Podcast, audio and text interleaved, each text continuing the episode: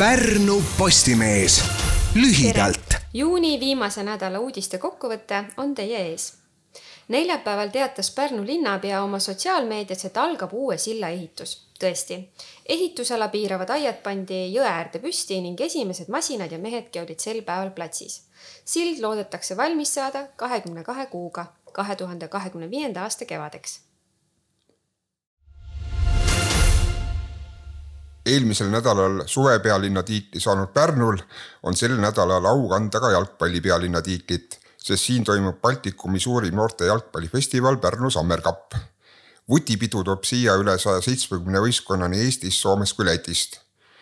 kõigil linnastaadionitel madistab umbes kaks tuhat viissada noort jalgpallurit ning nelja päeva jooksul peetakse maha üle viiesaja vutilahingu teisipäeval enne keskpäeva sõitis Pärnus Põhara-Ellamaa teel Põhara külas autoteelt välja. õnnetuses hukkusid viiekümne kuue ja kuuekümne ühe aastane mees. sõidukis oli veel kolm meest, kes said viga. õnnetuse ja traagiliste tagajärgedeni viisid lahtised turvavööd, kiiruse ületamine ja arvatavasti ka alkoholi tarvitamine. see oli esimene hukkunutega liiklusõnnetus Pärnumaal sel aastal enne jaanipäeva alguse saanud maasikahooaeg hakkab läbi saama randiväljal tegutseva Torimarja maasikatalu põllul oli neljapäeval viimane korjepäev ja nädala lõpul saavad vagude vahel võtta viimast isenoppijad. kui soov sisse teha, peab olema ise kiire.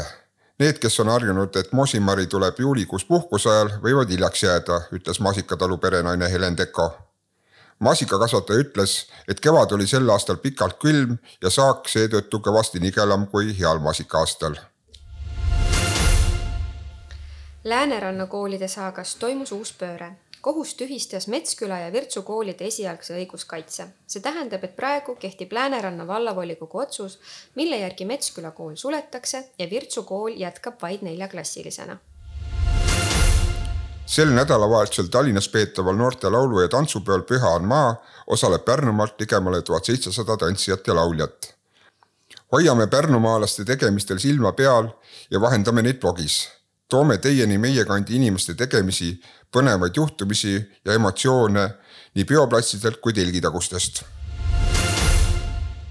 uudiste-nädala võtsid kokku Eno Gerrit Link ja Siiri Erela Pärnu Postimehest. Pärnu Postimees lühidalt